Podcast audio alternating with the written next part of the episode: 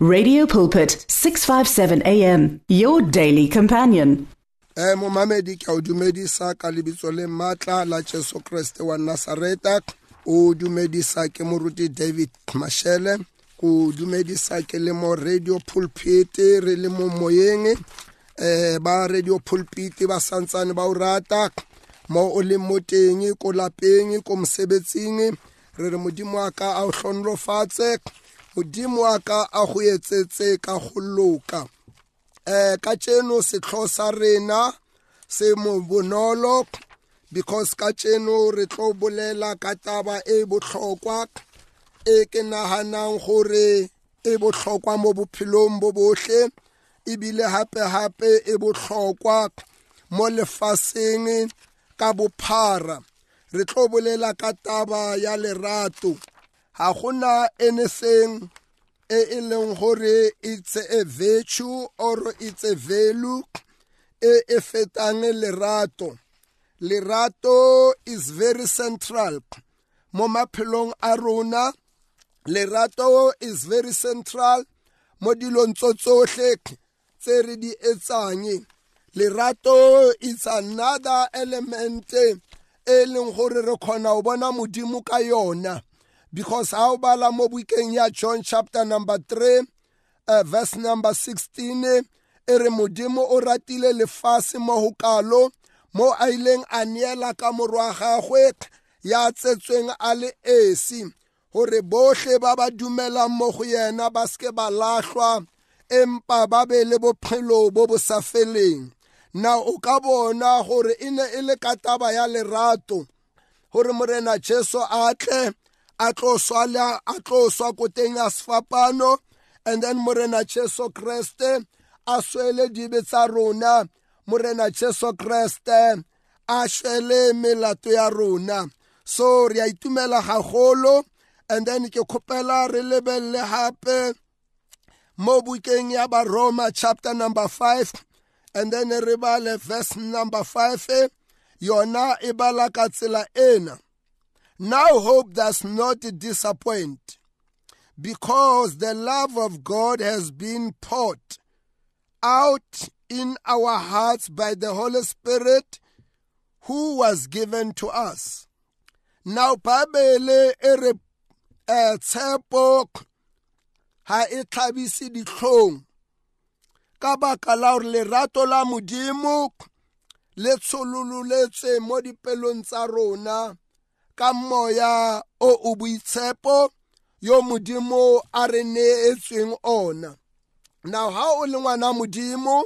automatically ha o amohela morena jesu eh le lerato la modimo le tla mo go wena now physically re na le o bolela gore is natural ha o belegwa o belegwa o na le se, se o nang le sona kapa o belegwa o le se o leng sona go bjalo gape-gape le mo semoyeng ga o amogela morena jesu o ba sebopiwa se sešwa ka baka la gore modimo ke lerato and then le wena o pholositswe ka baka la lerato la modimo le wena modimo o fa lerato la haye ka moya wa haye gore le wena o kgone o ba le lerato le wena o kgone o ithata o khone o rata le batho ba bangwe le wena o khone gore o be le khotso halleluja ha o ka lebelela ntho e farologanang batho kapa e, e, e, e irang e fapagantshang batho ke o hloka lerato ha ona motho a nyakang go phela mo go senang lerato batho ba bangata re nyaka lerato batho ba bangata re tshwanetse re fane ka lerato and that is why eh ke bolela lerato is a global unifier lerato le kopantsha batho ba lefatshe lo lohle lerato ha o bala mo bukeng eh, ya bakuranta chapter number 13 obala from verse number 14 to verse number 18 e bolela about all the elements eh, tsa lerato hallelujah ha lena jelase lerato ha le ikhomose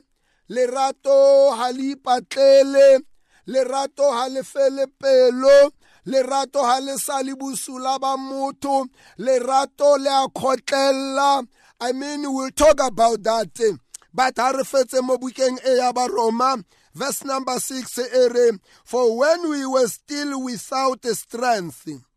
in due time Christ died for the ungodly ha re santsane re sena lethata re santsane re le bokowa re santsane re le baetsadibe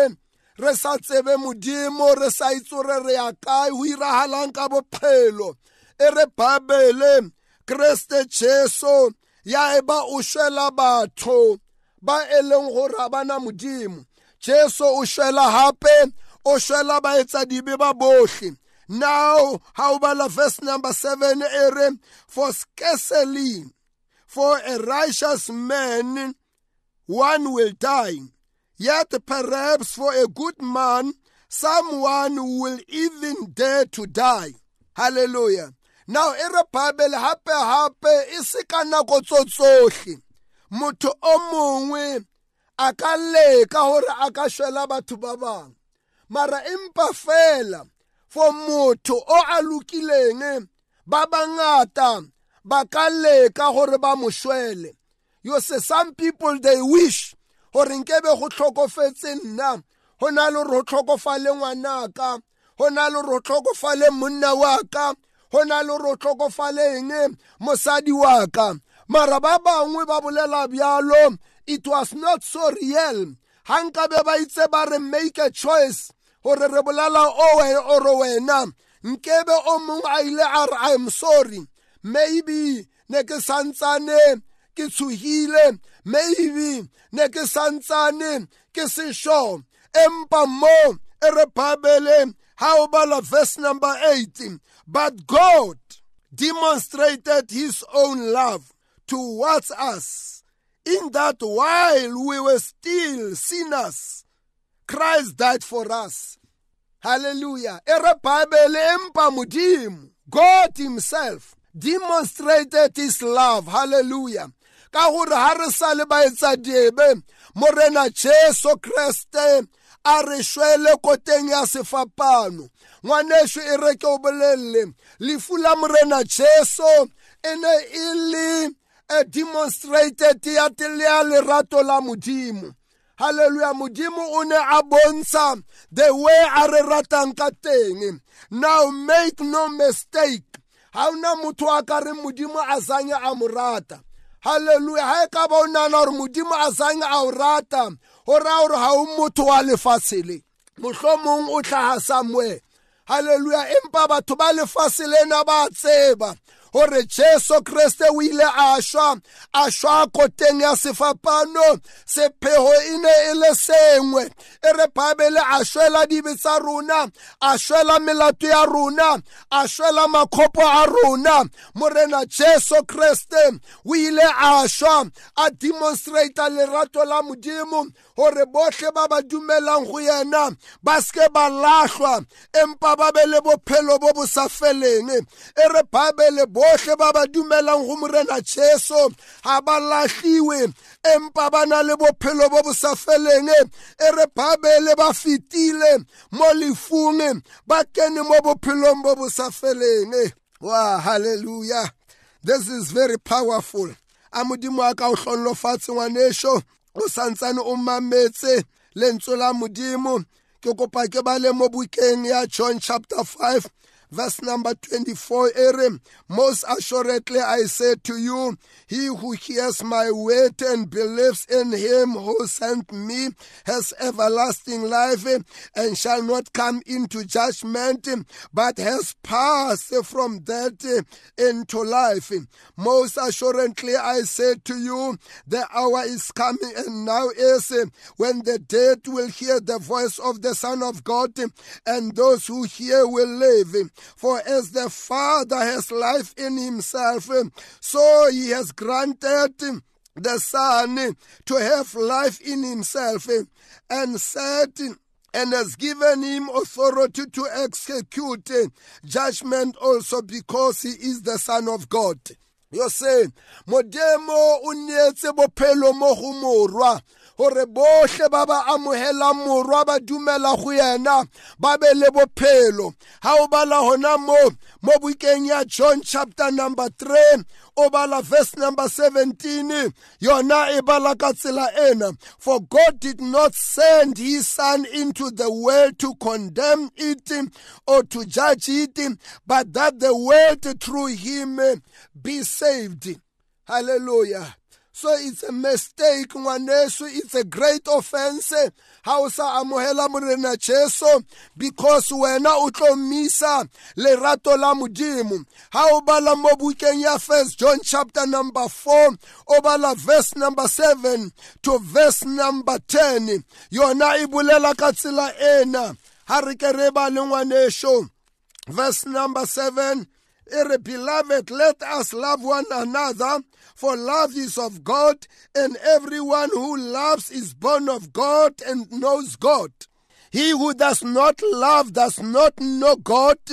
for God is love. In this, the love of God was manifested toward us that God has sent His only begotten Son into the world that we might live through Him. And this is love, not that we loved God, but that He loved us and sent His Son to be a propitiation for our sins. Hallelujah. This is the subject ngwaneso ya lerato. Ha gona ntho e fetang lerato mo I discovered gona le monna ne ba mmitsa gore ke Hitler. Hitler mo nakong ya hae he conquered empires he conquered nation batho ba bangata ba ile ba shwa ka nako ego because hitler o ne a tletse letlhoyo hitler o ne a tletse moya wa polayano hitler o ne a sena mosa empa ka lebaka lego hitler a zanye a phela nako e telele He died um, in his 50s eh, because he was not a good man to live for long. Ha a ile a phela sebaka. Ho ra batho ba bangata bonkile ba ile ba And then hape hape ditoropo tse ngata nkabe di ske tsa ba teng. Eh. So unfortunately or somehow in counterfeiting he died earlier. Hallelujah. But today re bolela ka monna wa ileng a tsamaya ka lerato monna wa ileng a tla a teneela a shwa koteng ya sefapano a displaya lerato la mane lerato la modimo halleluya ha le sefapanong e, o re ntate ba tshwarele gobane ga ba tsebe se ba se etsang halleluya e re bible o ile a shwa a patwa ka letsatsi la boraro a tsoga halleluya batho ba ya lebitleng la hae ba kry-a hateng go na le mangeloi a bolelang gore le matlelang mo ba ba shweleng gobane ga teng mona o tsogile tsamayang le yo kopana le ena ko motseng wa haleliya mo ileng a bolela gore o tla kopana le lona icen court ka baka la morena jesu morena jesu ha a tsoga a disappeara morena jesu o ile a tsoga and then a dula mo lefaseng for 40 days a ikopanyana le batho a rera efangedi a ba laela and then a ba bontsha lerato until on the 40th day e re babele a phahama ba mo shebile le repabe le a tseya ke leru la montsha mogare ga bona ba mmona a nyologa ga tlhagelela leru le re ka tsela e le monang ka yona ka leru ke yona tsela eo a tlo buang ka yona halleluja halleluja thank you jesus ga o bala mo buka ya ya ya thessalonika pholo a re o tlo boa gape o tlo boa gape-gape ka lentswe le legolo la moenkgele o mogolo na ngwanešo a re o tsebiso gore morena cheso o teng modimo wa o rata re santsane re bala lentswe la modimo e re bhabele lerato la hae le le la bonagala mo go rona mo re santsane re sa le baetsa debe e re bhabele gape-gape modimo ke lerato e re bhabele ya tsamayang ka lerato o tseba modimo empa Bible ya ha a tsebe modimo Bible who has not love does not know God for God is love verse number 9 ere and this is the love of God and in this the love of God was manifested toward us that God has sent his only begotten son into the world that we might live through him yo se lerato la modimo le bontshagetse ka gore modimo a ra a romele morwa wa gae mo lefaseng sorry gore re kgone go phela ka yena a modimo a go tlhonolofatse ngwaneso ngwaneso re a leboa modimo a ka a go tlhonolofatse re ala verse number 10 e re and this is love not that we love god but that he loved us and sent his son to be a propitiation for our sin. Ha e se rona ba re mo modimo empa e re bibele ke yena yo a re ratileng a roma morwa ba thuanyo ya maleo a rona. Ke a e rata taba ena. erring, he sent his son to be our propitiation or the propitiation for our sins. Now, a propitiation ke motho o atlisang thuaganyo oro mohlomongwe ke motho o e leng gore o ntsha patele ya baka la moo ya maleo a propitiation ke something se e leng gore you are paying gore o bipe molato halleluja for example rena bakgalenyana ha ne re gola ne ba re ha mosimane a ka senya ngwanyana o tshwanetse a patele molato halleluja it like o bipa molato o o ileng wa o etsa whether o etsitse ka maikemisetso or whether o etsitse se ka maikemisetso mara o tshwanetse o patele o patale inhlawulo yaloko okwenzileyo now a propitiation is very important jesu o ile a neela ka bophelo ba gae go ba setlhabelo bakeng sa maleo a rona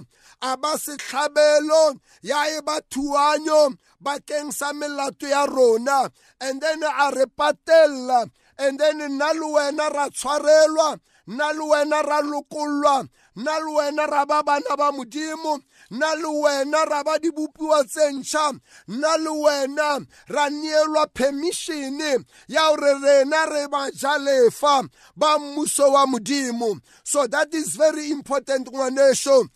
ke lerato la modimo lerato la modimo le feta dilo tso tsotlhe o ka no ba le ditšhelete tso tsotlhe o ka ba le maemo a otlhe o ka ba le maruo a otlhe empa babele e re go tla mo thusang motho le he a ka rua lefase lo lotlhe empa ko bofelelong e, a latlhegelwe ke moya wa gae e re gape-gape motho a ka ntshang gore hape gape a rekolle moya wa gae motho wa moya wa motho ke ke wa ka sepe is only the blood ya morena jesu is only the love of god e e coverang diebe tsa rena a modimo a ka buka ya peter chapter 1. peter chapter 4 verse 8 and 7 e love covers the multitude of sin god bless you in jesus name amen the words of the Lord are words of life. Your heart is on 657 AM. 657 AM. Radio for believers in action.